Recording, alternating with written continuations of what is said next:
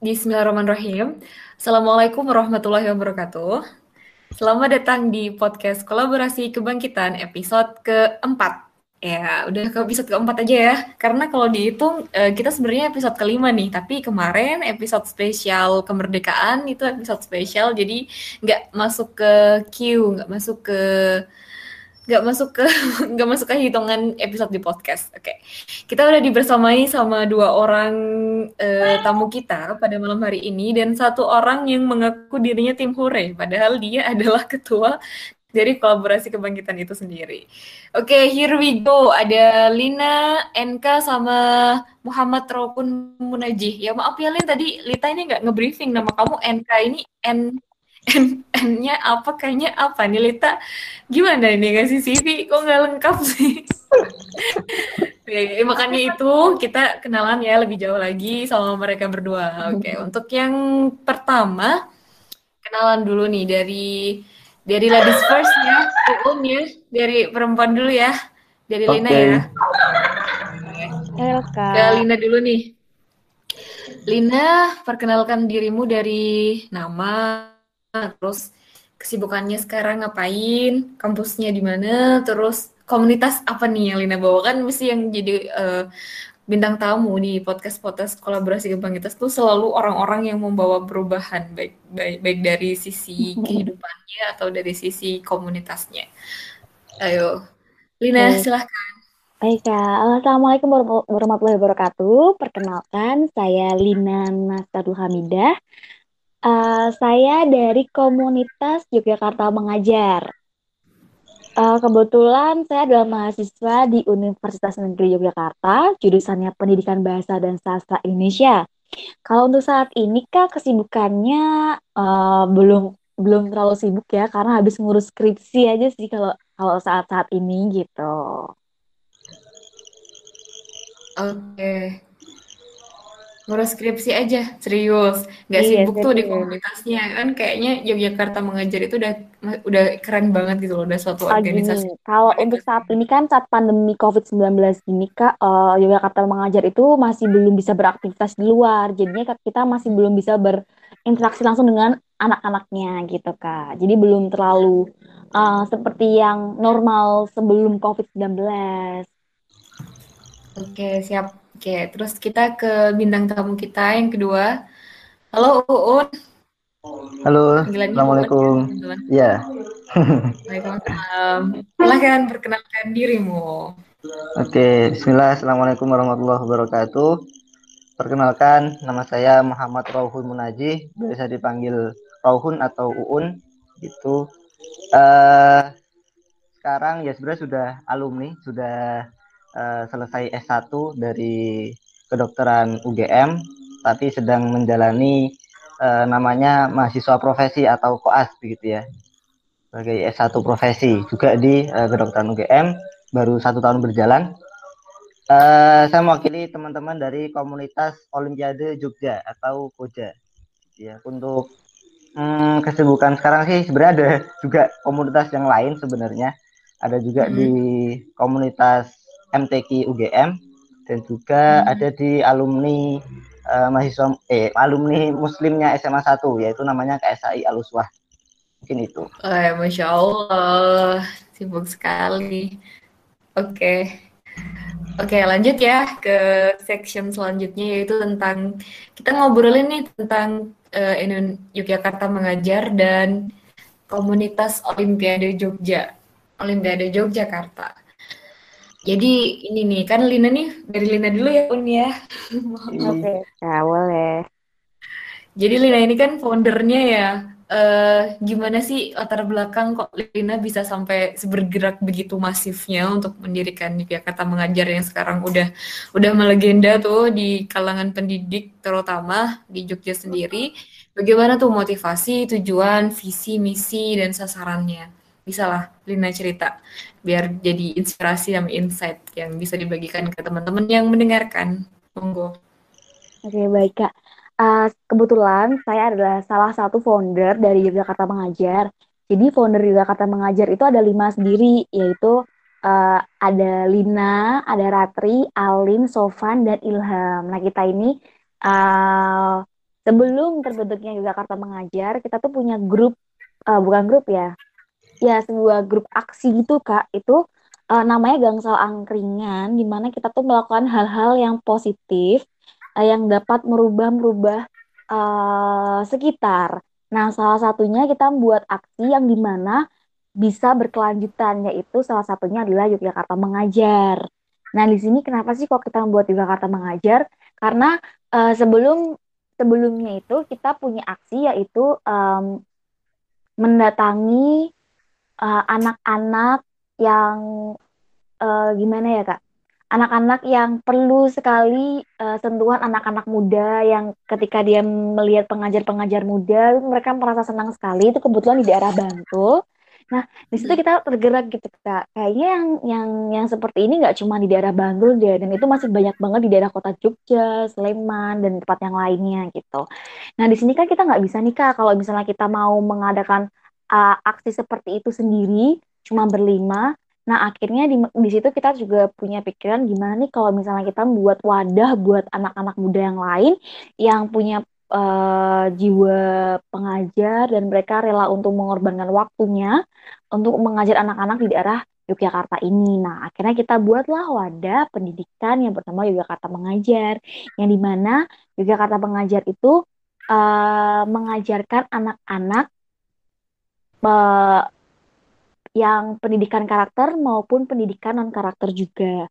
Tadinya di awalnya kita ini uh, mau fokusnya ke non karakter karena mereka anak-anaknya uh, kebetulan sudah beberapa banyak yang sekolah walaupun ada beberapa yang belum sekolah. Tapi akhirnya merambat uh, tetap kita mengajar ke ke yang non karakter juga gitu kak. Yang pendidikan pendidikan pelajaran pun juga diajarkan kebetulan waktu itu kita ada banyak ya kak beberapa wilayah yang tersebar di Yogyakarta tapi kalau untuk saat ini uh, ada delapan wilayah wilayah di Yogyakarta yaitu ada di Bantaran, ada di Badran, ada di Saki, kemudian ada di ben Bener, Banguntapan, Terban, Ratmakan dan Kalipakis begitu. Nah untuk Yogyakarta Mengajar sendiri, uh, visi dari komunitas Yogyakarta Mengajar itu adalah menciptakan lingkungan masyarakat yang berwawasan dan berkarakter melalui pendidikan. Sedangkan untuk misinya Uh, kami ada lima. Yang pertama yaitu menjadi wadah bagi kaula muda untuk turut serta memajukan pendidikan di daerah istimewa Yogyakarta. Yang kedua, mendampingi proses belajar anak di bidang akademik maupun akademik. Kemudian yang ketiga, menanamkan pendidikan karakter. Yang keempat, mengembangkan minat dan bakat anak. Dan yang terakhir, yaitu meningkatkan minat baca pada anak. Begitu, Kak. Ya. Ngomong ada suaranya gitu. ya, jadi ini Lin, mungkin yang jadi pertanyaan dari aku, mungkin teman-teman yang mendengarkan juga, yang tahu juga Jakarta mengajar yang di luar Jogja misalnya, ini okay. pertanyaannya gini nih, apakah Yogyakarta Mengajar ini ada afiliasinya dengan Indonesia Mengajar atau putus, bisa putus. jadi Oh iya, putus-putus kah? Halo cek sekarang masih putus-putus halo Dina are you with me Ya kak, oh, bisa diulangi lagi kak, maaf. Oke, okay. diulangi lagi ya. Jadi uh, pertanyaannya itu, apakah Yogyakarta Mengajar ini punya afiliasi tertentu dengan Indonesia Mengajar? Jadi uh, gimana ya kan, ada tagline-nya sama tuh Indonesia Mengajar, Jakarta Mengajar, okay. IM yang dulu di uh, Lina udah mungkin udah punya jawaban ya. Ayo disampaikan ya Lin ya biar jadi encourage. Okay, baik kak. Uh, uh, uh. Encourages yeah. us all gitu. Silakan. Baik. Uh, beberapa orang juga bertanya ya apakah juga kata mengajar itu ada hubungannya dengan Indonesia mengajar atau enggak begitu. Karena uh, dari Solo mengajar sendiri itu adalah pendirinya adalah uh, mantan dari Indonesia mengajar begitu kan kak.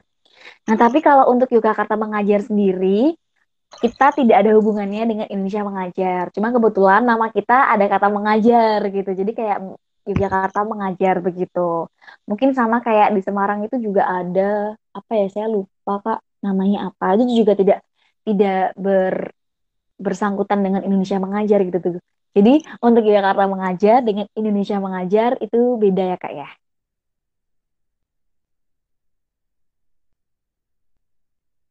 Oke, tapi sama, siap. tapi sama-sama sama-sama tentang pendidikan kak. Tapi kalau di Indonesia mengajarkan mereka lebih lebih ke pedalaman. Kemudian uh, mereka biasanya yang sudah punya yang sudah kuliah kayak gitu kan eh yang maksudnya yang sudah lulus kuliah sudah punya profesi baru bisa ikut di Indonesia mengajar gitu nah sebenarnya dulu itu kita uh, pingin banget kak ikut Indonesia mengajar cuman untuk umur kemudian persyaratan kami kan masih belum masih belum uh, bisa ikut Indonesia mengajar gitu nah uh, sebenarnya Indonesia mengajar juga salah satu alasan terbentuknya Yogyakarta mengajar gitu ya inspirasi dari uh, Yogyakarta Mengajar sendiri itu adalah Indonesia Mengajar. Di mana kita juga pengen ngajarin ngajar anak-anak tuh bagaimana gitu kak. Nah tapi kita lihat kondisi kita, kenapa sih kita nggak uh, nggak merambah di daerah kita dulu gitu. Sedangkan di daerah kita juga masih banyak yang butuh nih gitu. Nggak harus keluar Pulau Jawa, nggak harus keluar sana sini. Sedangkan di daerah kita kan masih banyak yang butuh. Kenapa sih kita nggak uh, mengulurkan tangan kita untuk orang-orang sekitar dulu begitu kak? Oke, siap. Memang sangat inspirasional banget ya Lina ini. Udah banyak banget tadi penjelasannya, terus motivasinya dan lain sebagainya. Sebelum nanti kegiatannya, kita ke Uun dulu. Halo Un, are you with me? Halo, yes. Ya, siap-siap.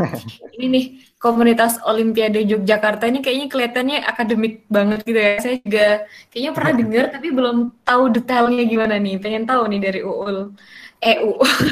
Un gimana Un? Ceritain yeah. dong tentang latar belakang, motivasi, tujuan, visi misi, terus sama siapa aja nih Un bergerak di komunitas Olimpiade Yogyakarta. Monggo. Oke. Okay. Uh, eh, ya memang seperti namanya ya, uh, Olimpiade ya. Memang uh, kami bergeraknya di bidang Olimpiade gitu ya, Olimpiade. Yang mana Olimpiade ini mungkin seringkalinya yang lomba uh, mata pelajaran yang sains gitu ya biasanya ya sains dan juga uh, juga mata pelajaran yang lain sebenarnya. Oke, jadi uh, ini jadi dulu dibuatnya kayaknya juga ba baru setelah Yogyakarta mengajar Yogyakarta mengajar dulu baru ada komunitas Olimpiade Jogja ini atau Koja seringnya Koja aja saya nanti uh, bilangnya Koja gitu ya. Itu dari tahun sekitar 2016 2016 baru apa ya baru dibuat. Sebenarnya dulu saya bukan yang foundernya begitu ya bukan foundernya. Sempat sih diajak diskusi untuk kemudian uh, menginisiasi pergerakan uh, dimulainya gitu ya koja ini. Tapi kemudian saya ada uh, ya mungkin kesibukan yang lain sehingga nggak ikut di awal-awal.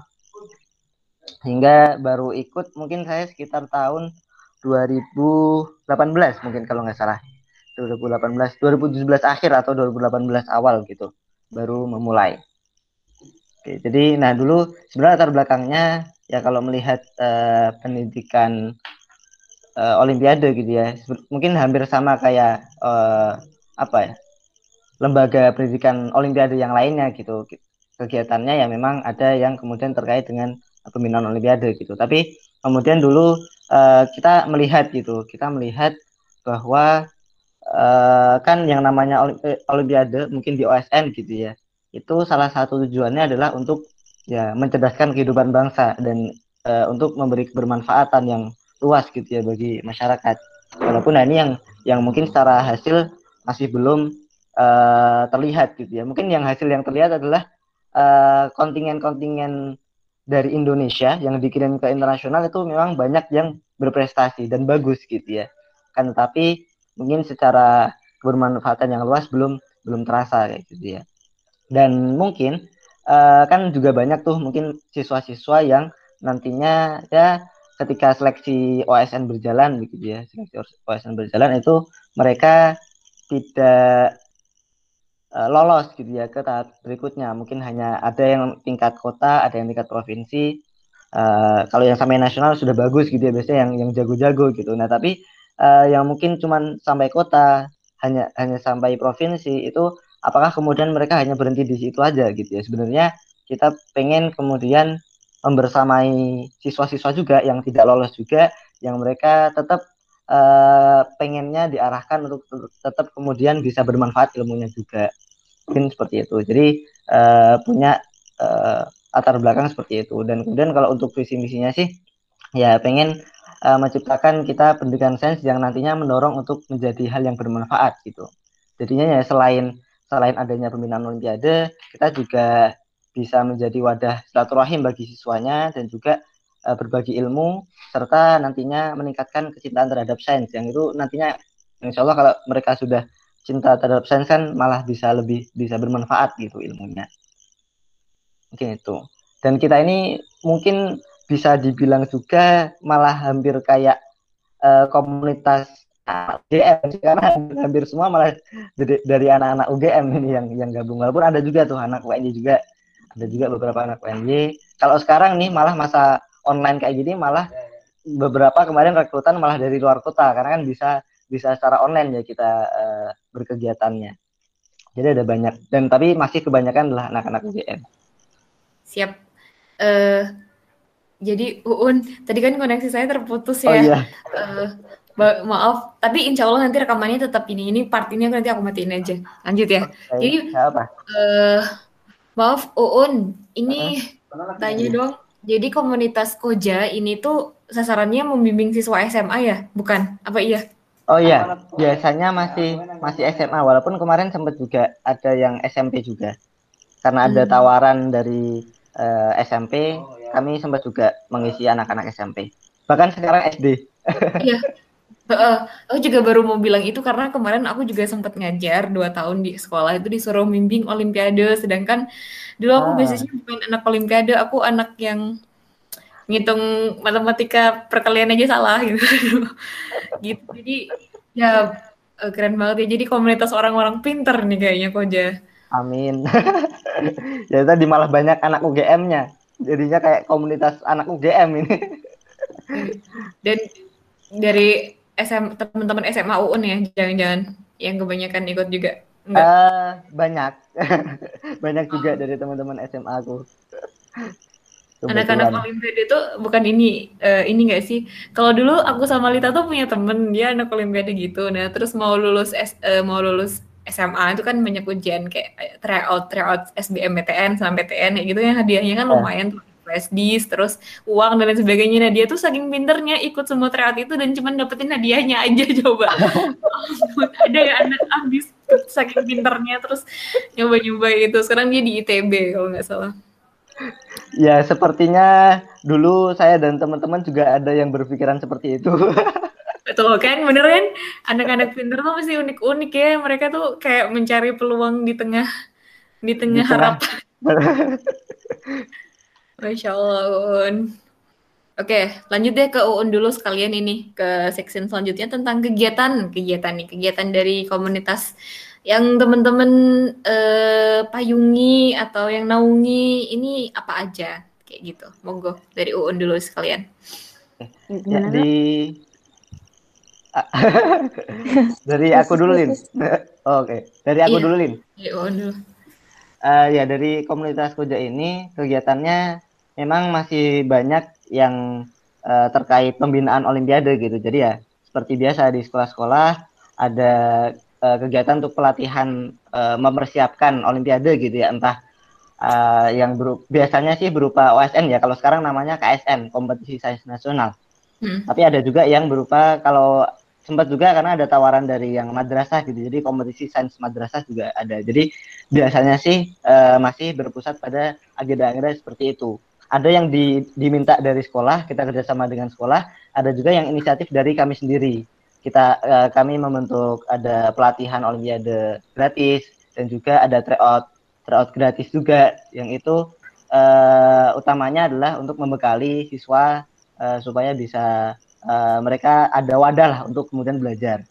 Uh, sebenarnya biasanya sih mereka sudah dapat juga sih di sekolah gitu Cuman kadangkala beberapa sekolah juga kurang maksimal juga dalam mendampingi siswa. Jadi ya kami yang kemudian diminta untuk lebih mendampingi siswa. Apalagi kan biasanya guru-guru juga ini ya juga merasa apa ya lebih wah lebih enak nih kalau diajarnya sama anak-anak muda gitu ya. Yang mungkin juga dari segi usia nggak terpaut jauh, jadi lebih dekat lah dengan dengan siswa untuk membersamai. Nah, tapi selain itu, selain agenda pembinaan, sebenarnya kami juga ingin berfokus ke semacam mungkin soft skill ya daripada siswa-siswa kayak gitu ya. Membekali mungkin dari segi uh, apa namanya arahan untuk bermanfaatannya dan juga mungkin dari segi akhlaknya gitu ya. Jadi sempat waktu waktu dulu wak, uh, apa namanya syawalan yang tahun lalu gitu ya. Kami sempat mengadakan ada syawalan untuk siswa koja yang itu isinya uh, arahan-arahan bahwa terkait ilmu itu juga uh, perlu kemudian untuk dikembangkan agar bermanfaat gitu ya. Dan untuk di masa pandemi ini juga sempat sih kemarin habis uh, seles apa melaksanakan perdana diskusi santai koja namanya disco malah jadi ajeb-ajeb ini yaitu ya itu juga terkait itu juga membekali uh, siswa uh, untuk lebih mengaplikasikan ilmunya gitu ya. Walaupun uh, kemasannya kemarin uh, pembicaranya penerima LPDP yang di luar negeri di Australia, eh di ya di Australia. Nah jadi malah juga banyak banyak banyak juga tuh pertanyaan terkait gimana kuliah di luar negeri gitu ya itu malah banyak juga yang masuk. Tapi ya utamanya untuk itulah tetap okay. tetap Siap, siap. Ada rencana buat nyaingin Jerome Pauline nggak? Wah, itu kayaknya sudah beda level kayaknya. Dia mungkin sudah udah kan ya udah luar biasa aktifnya ya di media sosial ya. Kami masih, nah itu masih yang jadi yang masih kekurangan di kami malah di media sosial sih sebenarnya. Karena masih uh, kurang banyak bisa memberi sesuatu di media sosial. Itu. Tapi harapannya sih juga yeah. bisa itu bisa mengembangkan sampai ke kayak beliau luar biasa. hmm. Uh, ya, saya kira teman-teman terdekat kayak Rohun dan teman-temannya ini bisa banget ngembangin kayak gitu. Apalagi udah punya komunitas dan kalau masalah kepintarannya nggak bakalan kalah juga sih dengan uh, para influencer yang udah ada uh, naik daun gitu. Iya. Ya, aduh koneksiku udah mulai terputus.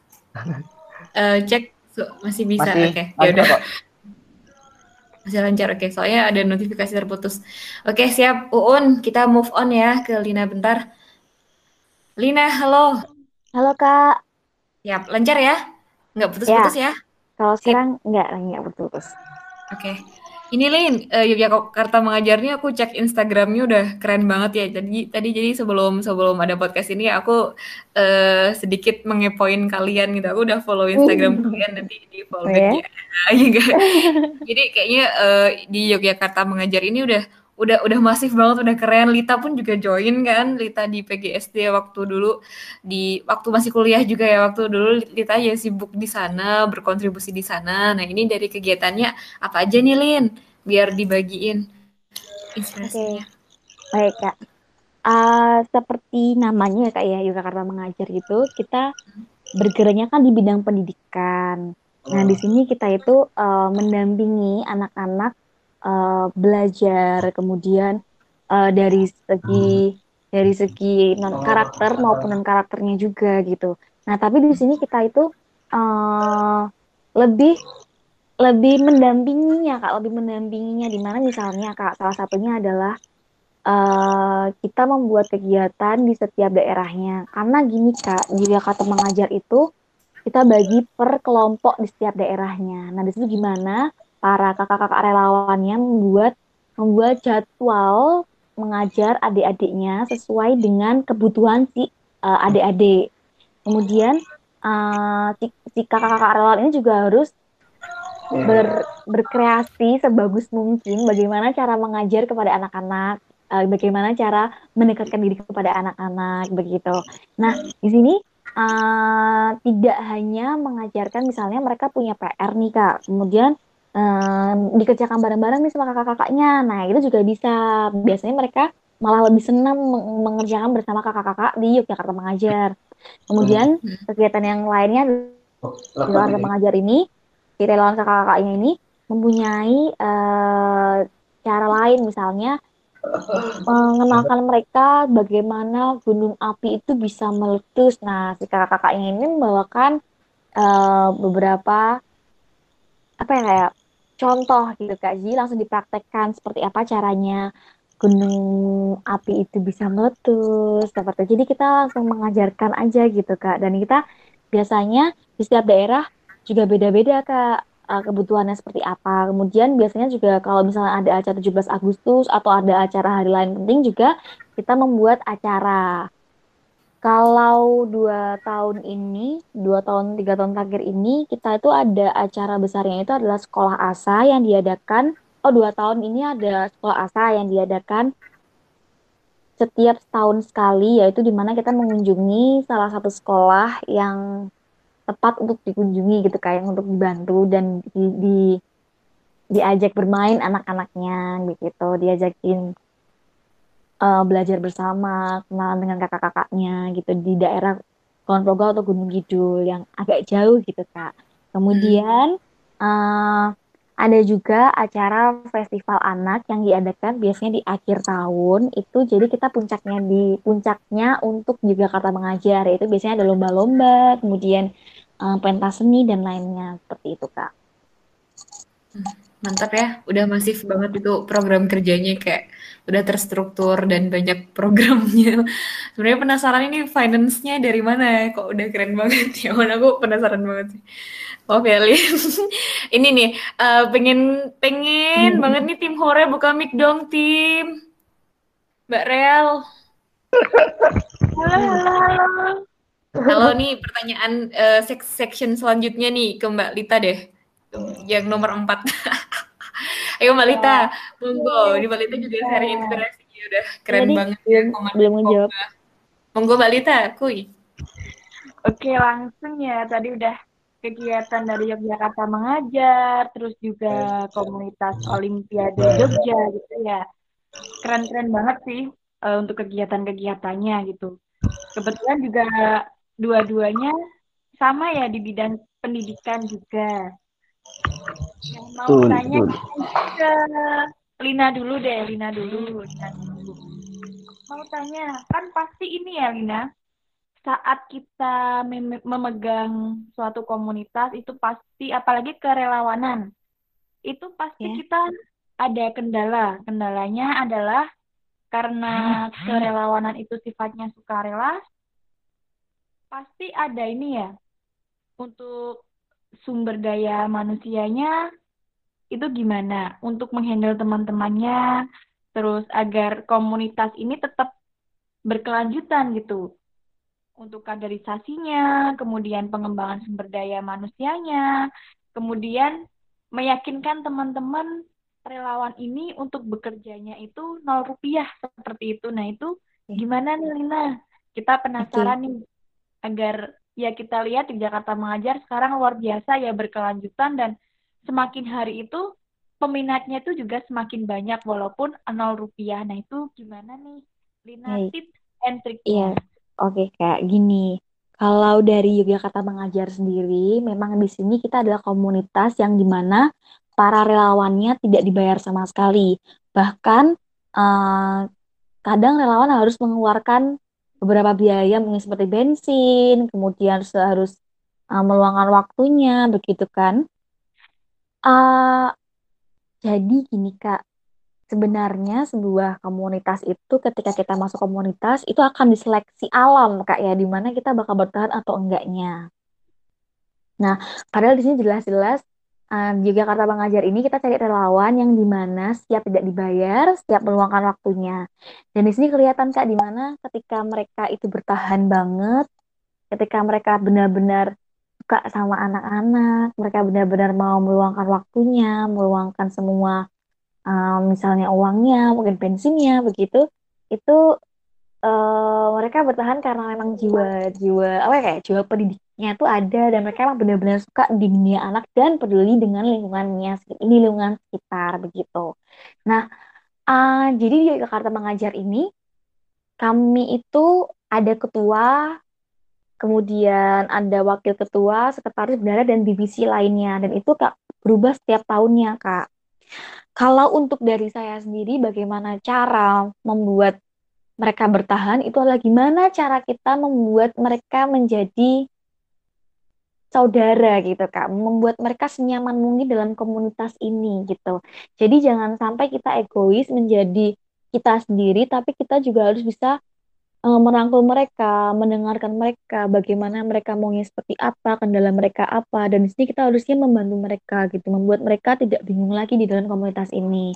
Karena uh, karena biasanya relawan itu juga banyak yang maksudnya tidak bertahan karena mungkin mungkin dikarenakan juga karena tidak tidak cocok dengan relawan yang lain atau tidak cocok dengan kegiatannya atau bagaimana itu hal yang biasa yang sangat sangat wajar gitu kak. Cuman untuk mempertahankan uh, relawannya sendiri itu ketika kita sudah membentuk sebuah kekeluargaan dalam komunitas itu pasti mereka akan bertahan sendirinya gitu kak. Mereka akan menganggap sebuah kegiatan ini tuh kegiatan yang sangat menyenangkan karena uh, partner kerjanya itu sudah sangat asik, sudah enak gitu. Jadi kita harus membangun kekeluargaan terlebih dahulu untuk me uh, membuat para relawan ini bertahan bertahan dan senyaman mungkin di sebuah komunitas ini. Walaupun kita tidak membayar dan tidak ada feedback yang banyak, mungkin hanya sebuah sertifikat dan pengalaman yang luar biasa aja gitu. ya seperti itu Kak dia kata mengajar. Wah, mantap, mantap, mantap. Iya ya, karena memang untuk kerelawanan karena sifatnya itu sukarela, kita Betul. juga nggak bisa memaksa juga ya. Iya. Hmm. Jadi benar kalau kata Lina tadi seleksi alam, tapi memang apa ya istilahnya itu kerelawanan anak memang biasanya berangkat darinya hati gitu ya Lin ya. Betul, betul banget Kak dari hati hmm. dulu memang. Ya, bagaimana menciptakan suatu komunitas ini karena teman-teman itu juga berangkatnya dari hati. Jadi kita-kita yang lebih ke founder mungkin itu juga harus menyentuhnya itu dengan hati juga ya biar iya, sampai benar, ke hati. Dari hati ke hati iya, dari hati ke hati ya, karena memang memang memang apa ya Kak, kalau kita membuat sebuah komunitas atau kita berada di komunitas kemudian ada orang baru, uh, kita tidak bisa menyalahkan orang baru itu ketika dia tidak bisa bertahan gitu atau mungkin itu kesalahan kita, kita tidak bisa membuat mereka nyaman gitu. Jadi kita selalu banyak introspeksi diri aja gitu Kak. Itu yang membuat sebenarnya kita harusnya tahu titik kelemahan uh, kenapa pada keluar, kenapa kok tidak bertahan begitu. Bukan salah mereka, tapi mungkin kita yang belum bisa membuat mereka nyaman. Waduh, mantap mantap. Berarti kita harus membuat teman-teman itu nyaman. Jadi memang Betul. komunitas kita kita ibaratkan apa ya? Lebih ke keluarga sih ya. Betul, Bukan. karena kalau udah ke keluarga itu semua jalannya sudah sangat enak. Karena mereka oh, udah nggak canggung lagi kalau ada masalah atau apa pun itu pasti mereka akan bicarakan yang sefrekuensi lead, yang sekufu lead. Sekufu, oke. Okay. ya. ya mantep. Oke okay, Lina, terima kasih. Sekarang ya, lanjut ke Uun ya.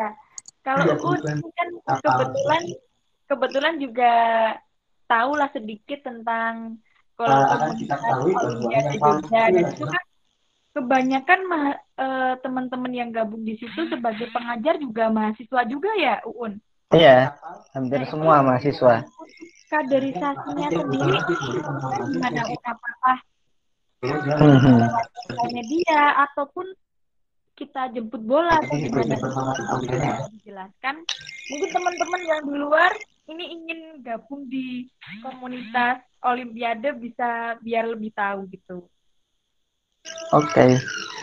Ya, uh, memang uh, apa namanya karena uh, kami biasanya memang sasarannya adalah SMA ya. Jadi ya uh, untuk membina untuk kemudian mem, bukan membina untuk kemudian memberikan nilai gitu ya pada pada siswa ya mungkin secara usia ya lebih tua ya, artinya oh, kemudian mahasiswa dan tapi masih lebih dekat artinya tetap bisa menjamah uh, apa ya nilai-nilai dari siswa juga. Nggak kemudian uh, kalau kadang kalau orang tua yang kemudian sudah agak tua uh, ke anak-anak muda kan kadang sudah berbeda nilai gitu ya. Jadi ya kadang agak sulit uh, masuknya gitu ya.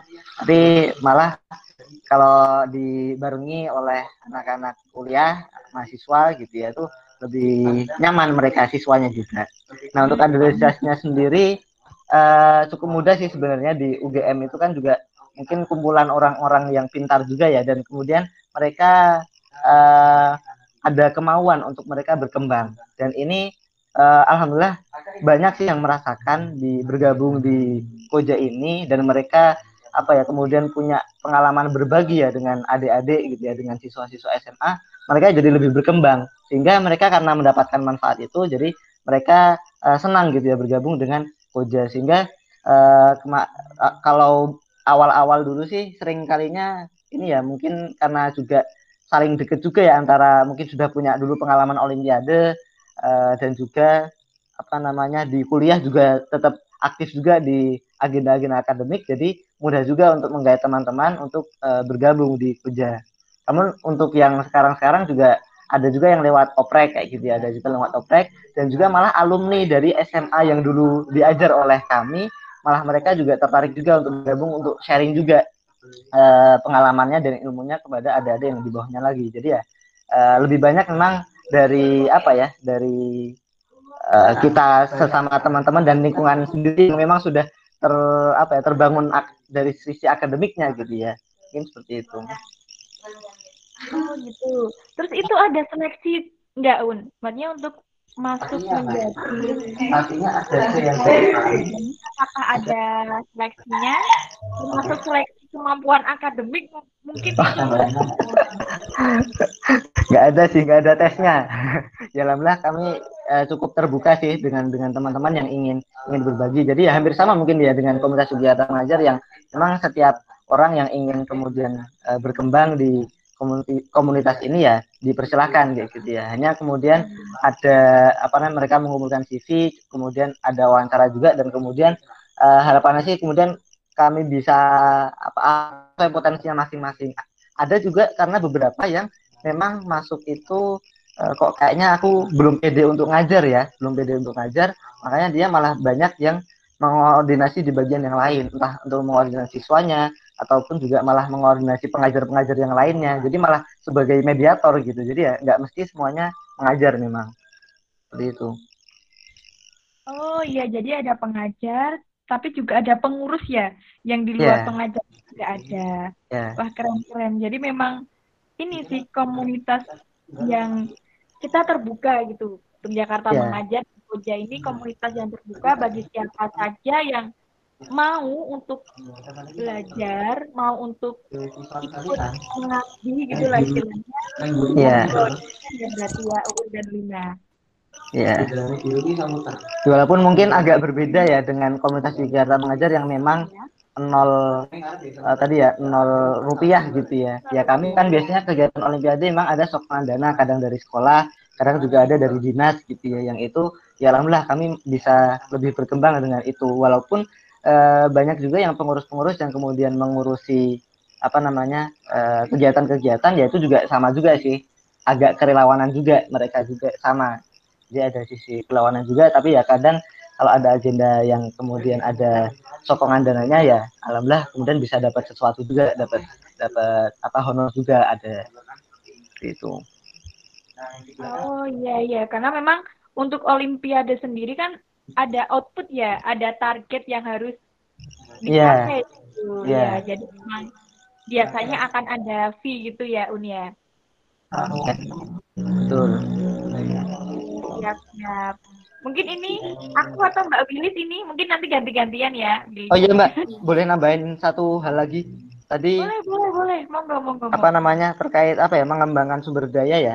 Uh, sebenarnya hampir sama ya kayak yang di Yogyakarta mengajar ada sisi kekeluargaannya juga cuman ya ini ternyata uh, kami terus menyadari juga selain sisi kekeluargaan ternyata banyak feedback uh, apa namanya ya uh, ya feedback ya feedback dari teman-teman anggota dan juga pengurus ternyata mereka banyak sekali mendapatkan kebermanfaatan dari keikutsertaannya ke Koja. Jadi semacam mereka itu jadi terasah uh, apa namanya mungkin skill mengajarnya juga terasa mungkin ada yang skill manajemennya juga mungkin juga ada memang benefit dari uh, benefit dari honornya memang ada juga. Tapi dari semua itu ternyata oh uh, aku uh, apa ya semacam punya peran yang kemudian bermanfaat gitu yang itu menjadikan mereka bertahan dan juga ingin mengembangkan komunitas ini lebih jauh.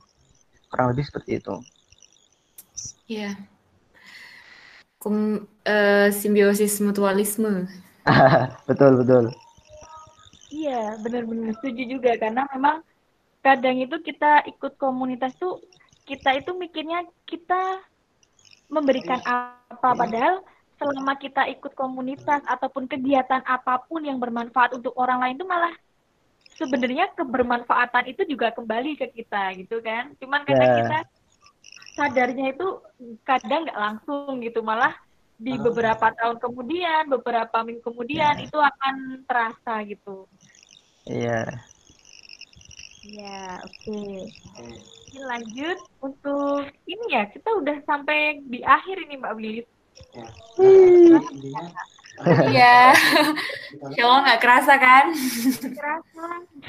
Um, tepat-tepatnya ya atau Mau tanya ke Uun dulu aja, Uun. Nanti Iya, Lilis ke Lina ya. Eh, mau tanya Uun ini terkait harapan ke depan untuk komunitas, terutama komunitas Koja sendiri, kemudian juga kepada ini sih anak-anak muda. Nah, anak-anak muda yang di luar sana itu harapan apa sih yang Uun gantungkan kepada teman-teman ini maupun komunitas Koja sendiri? Monggo Uun. Oke, Eh, ya mungkin untuk harapan ke depan bagi komunitas kami, ya kami berharap eh, kegiatan-kegiatan kami ini yang memang masih banyak eh, berkutat di hanya pembinaan saja, hanya mungkin tadi sisi akademiknya saja begitu ya, itu bisa berkembang lebih luas, lebih bisa eh, ke arah soft skill, kemudian ke arah kemudian pengembangan-pengembangan diri yang nantinya akan bisa membuat eh, motivasi-motivasi bagi siswa dan juga yang itu akan menyebar ke teman-teman yang lain gitu ya. Karena eh, semacam apa ya siswa-siswa olimpiade ini kadang juga adalah siswa yang kemudian terpandang yang bisa menjadi agen kebaikan untuk siswa-siswa yang lainnya gitu. jadi ya kami harapkan bisa eh, menjadi kemudian eh, kolaborasi-kolaborasi juga ya kayak ini ya. Kolaborasi kolaborasi yang akan meningkatkan eh, kebermanfaatan bagi yang lainnya.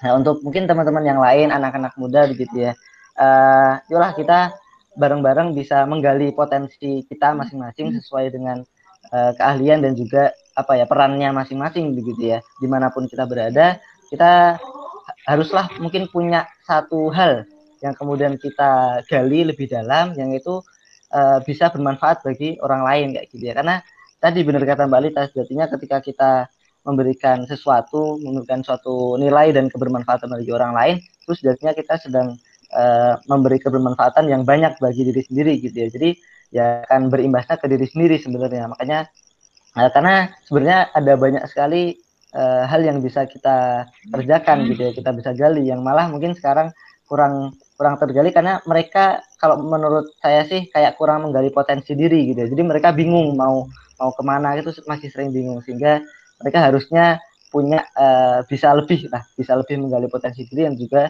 itu nanti bisa mengembangkan ke uh, komunitas mereka masing-masing gitu ya di mana pun mereka berada bahkan mungkin untuk hal-hal yang sepele untuk hal-hal misalkan futsal hanya fut terkait futsal gitu ya atau mungkin ya hal-hal yang lain mungkin memasak dan lain sebagainya itu tetap bisa memberikan kebermanfaatan bagi orang banyak insya Allah gitu gitu Keren-keren ini semoga Ya ini ya harapannya ini diaminkan ini. Diaminkan malaikat pada malam hari ini ya. Masya Allah Amin. Mungkin bisa lanjut ke Mbak Lilis, monggo. Siap, siap. Nih, Mbak Linda tentu saja punya banyak harapan ya, harapan yang sudah terazamkan dalam diri, terutama dalam kontribusinya terhadap eh, pendidikan di, di Yogyakarta ini. Mungkin bisa dibagikan kepada kami semua biar juga terbakar semangatnya ini karena walaupun lebih tua juga nggak lebih juga nggak ada lebihnya kali ya. Udah silakan Lina. Kak maaf putus-putus gak kedengeran. Oh iya Kak kak. maaf, bisa diulangi dik lagi Kak, maaf Kak, maaf.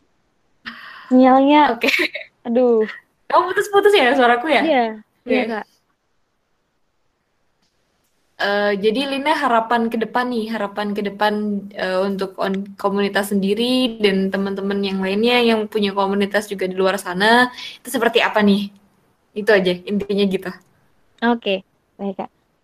Eh, harapannya eh, yang kalau untuk untuk komunitas Yogyakarta mengajar, semoga semakin eh, bermanfaat untuk pendidikan anak-anak di Yogyakarta.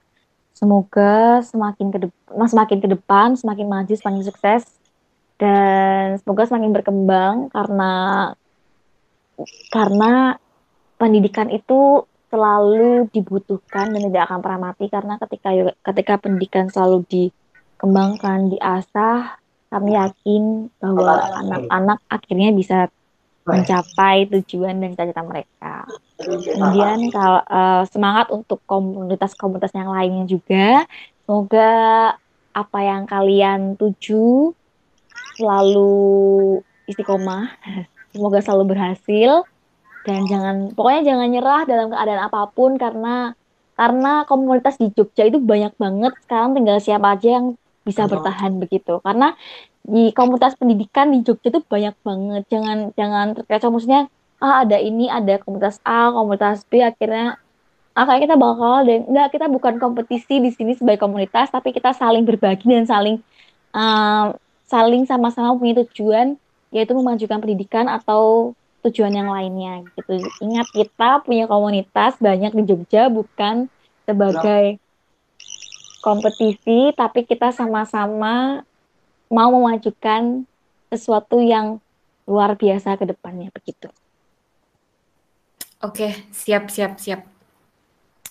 Next section or last section is about the quotes yang kita pengen dapat petikan-petikan kata-kata motivasi nih dari Lina sama Rohun mengenai apa sih yang sebenarnya selama ini membuat uh, kalian itu bisa bergerak sebegitu kerennya kayak gitu ya.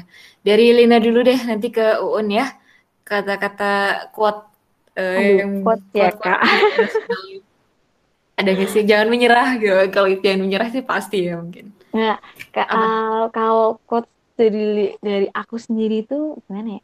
Cuman ada quotes yang pernah yang paling bagus maksudnya kalau untuk uh, tentang sharing kita yang hari ini itu yang pernah disampaikan oleh ayahnya Rudi Habibi nih Kak. Ada sedikit yang hmm. bagus yang aku petik itu gimana uh, kita itu harusnya menjadi mata air. Kalau kalau kita berbuat baik di sekitar kita, semua tuh akan baik. Tapi kalau kita tapi kalau kalau air itu kotor, pasti sekelilingmu juga bakalan kotor gitu kak. Jadi kita bakal jadi air yang bersih atau yang kotor gitu.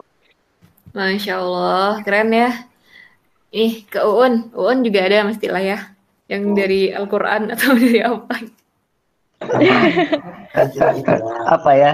Malah ya uh, secara umum untuk mungkin anak-anak muda ya. Karena pendengar podcast biasanya anak-anak muda.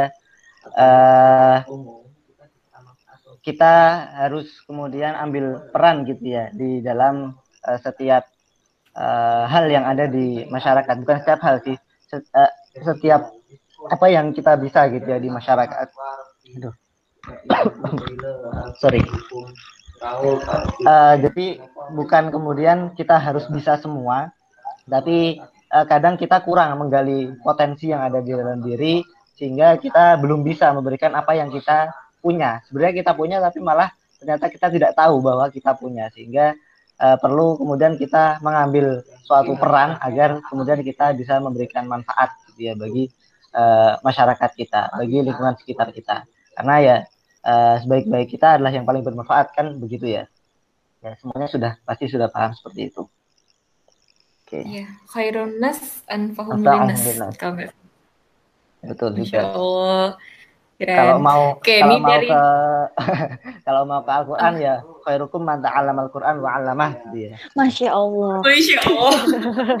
Lina, Lina jangan menolak, Lin. Masya Allah, Lina nggak ngerti artinya, Kak. Sebaik-baik oh, kalian jelasin, jelasin, adalah baik-baik kalian adalah yang belajar Quran dan mengajarkannya. Hampir sama juga. Intinya kita belajar dari apa yang kemudian kita miliki, kemudian kita bagikan kepada orang lain.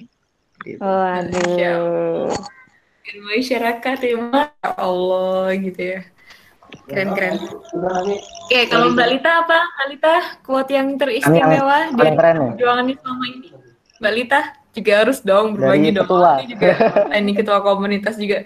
Buka micnya oi. Ya ini membacakan kuat dari kolaborasi bukan ketua tapi ketua nih ketua. Paling tua.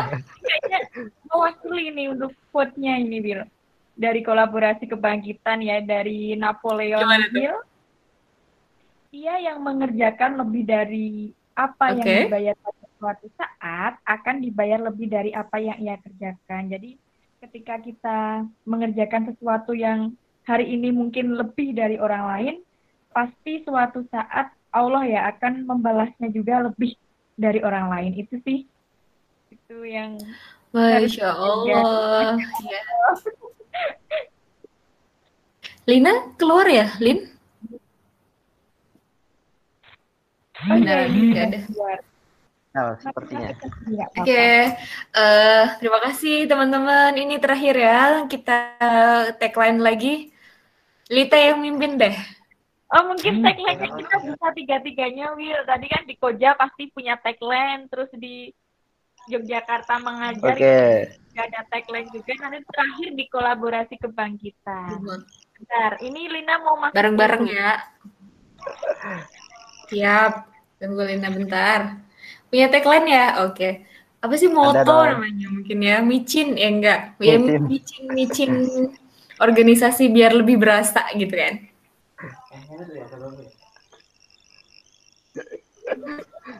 Ko- Komunitas Olimpiade Jogja. Science. Science for- humanity. Oke. Oke. Yuk. Yogyakarta mengajar. Membara. Bara. Istimewa. Istimewa. Yeay. Boleh. Yeay. Yang terakhir berarti ini ya. Nanti kolaborasi kebangkitan bersama. Bersama Sama bangkitkan semangat semangat Indonesia. Indonesia. Nanti dikasih background keprok-keprok nggak? Ada nanti. Titanic. Backsoundnya deng deng deng.